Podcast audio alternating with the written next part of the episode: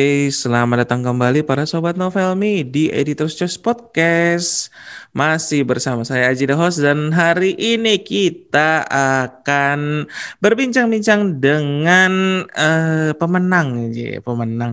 Ya, salah satu pemenang Next Top Writer bulan lalu dan musim lalu yaitu adalah Ostrich Sun. Ya. Apa kabarnya nih Kak Ostrich Sun? Halo, halo. Uh, iya, baik, Mas.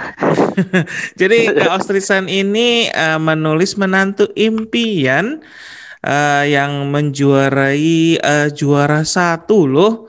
Juara satu uh, Next Top Writer bulanan dan juga musim ketujuh ya. Betul kan nih? Iya, iya. Wow, iya betul. Luar biasa sekali. Kebetulan sih. Selain next writer utama juga juara satu di mail rank jadi apa mail book arena ya dibilangnya iya. MBA mail book arena. Oke, kita mau ngobrol-ngobrol sekarang nih. Eh, yang pertama, novel kakak nih yang berjudul Menantu Impian itu bercerita tentang apa sih kak? Uh, novelnya sih Menantu impian ini ceritanya tentang perjuangan atau petualangan tokoh utama yang namanya Igo. E, pernikahan Igo sama istrinya yang namanya Sophie itu kan nggak disetujui ya sama mertuanya. Si bapaknya si Sophie itu nggak setuju kalau mereka nikah. Terus premis utama pada bagian awal novel ya memang tentang perjuangan Igo itu buat buat meyakinkan mertuanya kalau dia itu memang layak buat jadi suaminya si Sophie. Terus seiring bergulirnya jalan cerita, maka konflik cerita pun terus berkembang luas ya. Terus hingga akhirnya terciptalah sebuah universe gitu. Aku aku aku ah, pengen nyebutnya ini sebuah universe dari menantu impian gitu ya. Nah, kalau genrenya sendiri masuknya genre apa nih, Kak? Genrenya ya masuk mailbook kan. Ini tokoh utamanya si Igo kan, tokoh pria. Hmm. Dengan genre menantu begitu. Tapi selain bercerita tentang tokoh utama pria sebagai apa sih? Seorang menantu yang gak dianggap gitu ya. Lebih jauh lagi menantu impian juga bercerita tentang lika-liku ego, petualangan ego gitu dalam memperjuangkan cita-citanya, mimpi-mimpinya, sekaligus memberikan pembuktian pada orang-orang yang selama ini udah ngeremehin dia gitu. Hmm, wah, sepertinya lumayan menarik tuh ceritanya. Nah, kalau inspirasinya sendiri itu dari mana, Kak?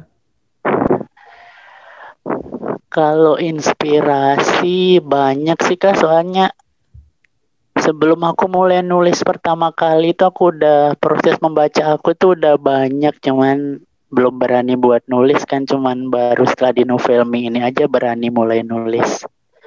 Tapi kalau ditanya suruh milih gitu ya beberapa karya yang mempengaruhi aku banget dalam proses penulisan itu ada dua. Kalau dari Indonesia itu ada buku-buku karangan Ibu NH Dini Terus kalau terjemahan, saya ada Haruki Murakami, penulis dari Jepang.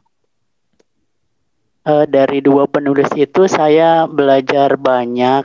Salah satunya adalah menulis yang baik itu nggak nggak harus yang wow gitu, nggak harus yang diksinya yang yang mewah atau gimana. Tapi yang lebih penting dari semua itu adalah kita harus menghasilkan tulisan yang bisa dinikmati sama pembaca sebuah tulisan sederhana yang istilahnya nyampe gitu ya nyampe ke pembaca itu menurut aku lebih bagus dibanding tulisan yang fenomenal tapi bikin pembacanya pusing. Hmm, oke. Okay. Yang penting sederhana, nggak ber, ber apa belibet-libet gitu dibilangnya. Oh, nggak nggak perlu aneh-aneh, oh. tapi ceritanya bisa nyampe ke pembaca gitu. Hmm, oke. Oke, nah kalau kakak sendiri mulai nulisnya dari kapan? Uh, mulai nulisnya sih dari September, cuman hmm. waktu lagi tadinya mau ikut season 6 kan kak. Hmm. Terus itu kebetulan sakit, jadi ya ya udah nggak bisa ditunda dulu aja deh ikut yang season 7. Hmm. Terus selanjutnya ya udah ongoing, tulis hari itu langsung posting. Kejar tayang udah kayak sinetron gitu. stripping dong jadi. iya, stripping. Kepikir hari itu langsung naik aja. iya, kapan kapan selesai nulis langsung posting gitu. nah, kalau tokonya sendiri uh, ada beberapa toko nggak kak yang bisa diceritakan di novel ini? Uh, malah kalau tokohnya sih aku lebih favorit ke yang tokoh-tokoh pendamping ya. Soalnya udah biasa banget kan kalau misal ceritain dong tentang tokoh novel kamu, kita cerita tokoh utamanya padahal di novelnya sendiri ya tokoh utamanya udah dibahas banyak gitu kan. Hmm.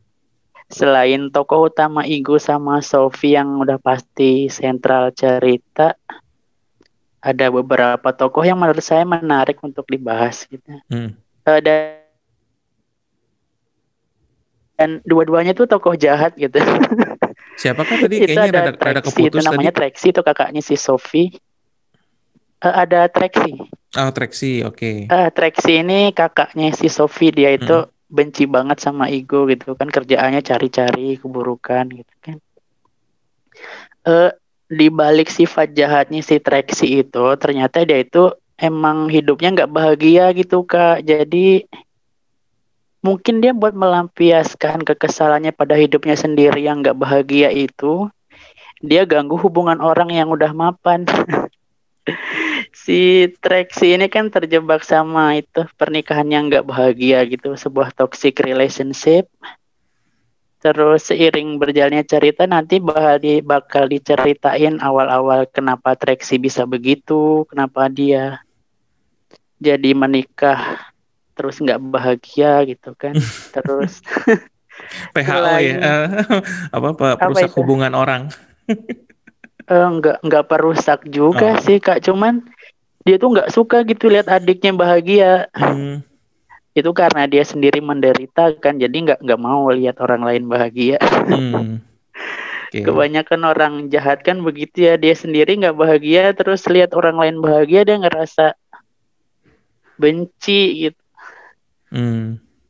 Terus satu lagi tokoh jahat lagi nih. Selain Trexi itu ada Lena. Lena ini sepupunya si Sophie. Seru aja gitu kalau lihat petualangan Lena itu. Oh. Sama-sama kayak si Trexi tadi ya si hmm. Lena ini jahat juga karena keadaan gitu ya. Hmm. Kehidupan Lena ini kan keras, anak dari broken home terus dia tuh pernah dijual sama pacarnya gitu kan. Jadi ya gitu nanti setelah beberapa episode gitu malah pembaca itu jatuh cinta sama si tokoh Lena ini dia kan berjuang buat balas dendam sama pacar yang udah jual dia gitu. Hmm. Terus tiap bab itu jadi aku harus bagi uh, misal bagian pertama cerita tentang ego bagian kedua aku bagi buat petualangan si Lena ini. Hmm. Dan ya syukurlah pembaca suka gitu petualangan si orang jahatin. nah tuh para sobat novelmi kalau mau baca itu dia uh, poin-poin menariknya itu salah satunya tuh. Iya nah, jadi yang hmm. jahat tuh emang orang jahat ya memang orang jahat gitu dan mereka tetap hmm. manusia gitu. Hmm. Oke. Nah, kalau saya lihat nih udah 331 bab nih, Kak. Susah nggak sih nulisnya untuk sampai ke bab 331 itu? Hmm, susah. Kesulitan nih pasti ada ya. Soalnya kita kan moodnya naik turun, kadang males, kadang ya kesehatan nggak mendukung juga. Soalnya itu aku maraton dari Oktober ya, Oktober, November, Desember itu full nulis sehari minimal tiga gitu. Tiga bab maksudnya. Terus setelah sampai di titik sekarang ini ya saya rasa rintangan paling berat dalam menulis itu ya emang diri saya sendiri gitu. Gimana sering tuh? gitu uh, sering kalau lagi nulis gitu ada males gitu kayak susah banget gitu pokoknya mau nerusin tuh males bawaannya pengen tidur tiduran gitu. ngantuk gitu. terus ya udah aku paksa aja sih soalnya pernah baca gitu di salah satu catatan penulis kalau tulisan jelek itu masih bisa diperbaiki gitu kan hmm. tapi kalau nggak ada tulisannya ya apa yang mau diperbaiki gitu hmm. jadi salah satu untuk melawan writer's block itu ya harus dipaksa jadi harus mendingan mulai dulu jelek daripada nggak ada tulisan sama sekali gitu ya kak? Uh, iya betul. Kalau jelek kan nanti bisa diedit, di, hmm. ditambah-tambahin, dikurangin, dipoles gitu kan. Kalau nggak ada ya apa yang mau diedit? Oke. nah kalau menurut kakak sendiri nulis di Novelmi itu gimana? menulis di novel mi kok ditanya gimana ya pasti seru ya. Hmm. Soalnya nulis di novel mi selain buat menyalurkan hobi itu bisa mendapatkan penghasilan gitu kan. Hmm. Terus penghasilan itu salah satu yang bikin semangat waktu nulis gitu. dulu pada awalnya itu saya nulis memang cuma sebagai hobi gitu, sebagai wahana untuk menyalurkan passion saya dalam dunia tulis menulis. Tapi setelah tahu kalau di novel itu bisa dapat penghasilan, akhirnya saya itu memutuskan untuk tidak lagi menulis sebagai hobi, tapi ya menulis itu sebagai pekerjaan. Hmm. Kerjanya ya nulis gitu. uh, ada sedikit cerita gitu kan mungkin hmm. sekitar lima atau enam tahun yang lalu gitu sebelum ada Novelmi kan. Itu waktu lagi kumpul-kumpul di sebuah acara kepenulisan gitu ketemu teman-teman yang udah penulis hebat gitu kan udah ngetop udah bukunya bestseller di mana-mana. Uh, dia tuh sering baca tulisan aku gitu kan terus lu kenapa nggak nggak nggak berani sih nulis apa hidup dari nulis? gitu Ya, waktu itu saya belum berani ya. Karena istilahnya belum tahu jalan gitu kan. Hmm. Terus setelah kenal Novelmi ini ya syukurlah akhirnya saya bisa menjawab tantangan teman yang tadi nanya itu. Jadi kalau kapan ketemu gitu ditanya kerja apa sekarang gitu kan. Oh gue sekarang udah full time writer loh oh, gitu. Keren Penulis ya. penuh waktu. Gitu. Iya. Sekarang gue udah penulis penuh waktu nggak nggak kayak dulu lagi kok. Dulu nulis paling setahun itu cuma dua cerpen gitu. Hmm. Kalau sekarang sebulan bisa seratus ribu kata lebih malah.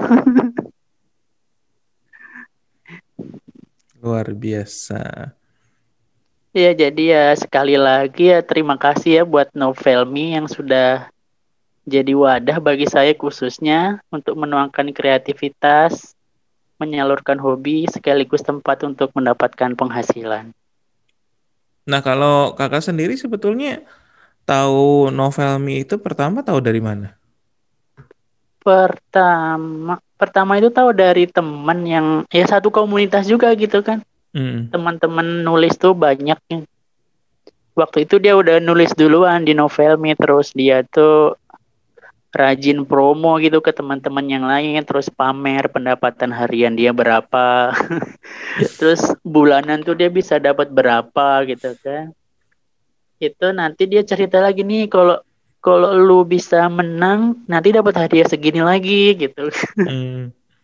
ya awalnya iseng-iseng sih terus ikut terjun juga ya syukurlah bisa diterima dengan baik sama pembaca gitu Oke, lumayan juga ya menarik menarik ceritanya. Jadi latar belakangnya itu ternyata sangat beragam ya dari penulis ke penulis. Iya. Nah kalau menurut kakak sendiri uh, beda program Next Top Writer dan program lainnya apa nih kak? Program, masa jujurnya saya nggak tahu ya program lain itu apa gitu. Soalnya saya cuma nulis ya di novel me ini aja sih nggak nggak yang kelayapan ke mana-mana gitu enggak terus ya mungkin kalau dilihat sih cara penilaiannya ya penilaiannya itu kan di Novelmi jelas bisa dipantau sendiri sama penulis setiap hari lewat poin performa yang tanda api gitu. Hmm. Jadi ya persaingannya lebih terbuka karena kita juga bisa memantau pergerakan lawan.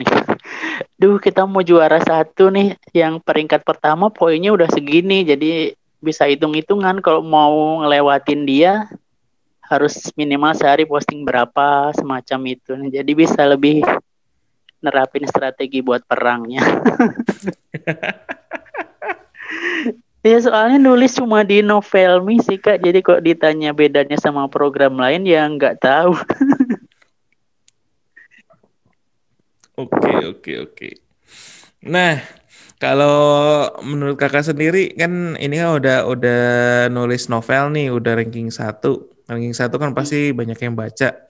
Nah buat para pendengar nih, pendengar podcast ini yang uh, belum tahu soal ceritanya, apa sih kenapa sih mereka harus baca novel ini? Waduh, kenapa orang Jadi buat orang lain harus baca novel ini gitu. Iya, buat ini buat buat para yang para, gitu. para pembaca yang belum tahu itu kenapa harus baca apa sih sebenarnya plus poinnya menurut kakak? Uh, iya sih ngerti, cuman biasa nulis ya jadi nggak nggak hobi jualan gitu. Mungkin apa ya teman-teman harus baca novel menantu impian ini tuh karena cerita yang saya tulis ini sangat relate sama kehidupan kita sehari-hari sih terus saya memang nulisnya bikin cerita yang sedekat mungkin dengan kehidupan kita gitu cerita hmm. yang merakyat hmm. terus berharapnya selain pembaca dapat penghiburan pembaca juga dapat melakukan refleksi diri melalui cerita yang saya tulis ini begitu. Oke, nah kalau kakak sendiri ada rencana bikin novel lain nggak?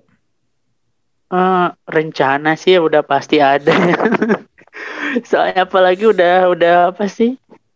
Udah ngerasain duitnya dari nulis di novel me gitu pasti lu mau lagi mau lagi mau lagi bawaannya gitu kan. Cuman ya belum tahu kok wujudnya itu kapan. Soalnya yang menantu impian ini juga masih ongoing. Uh, okay. Ya kalau lancar terus sih mudahan masih bisa nambah jadi lebih banyak lagi gitu babnya. Hmm, oke. Okay.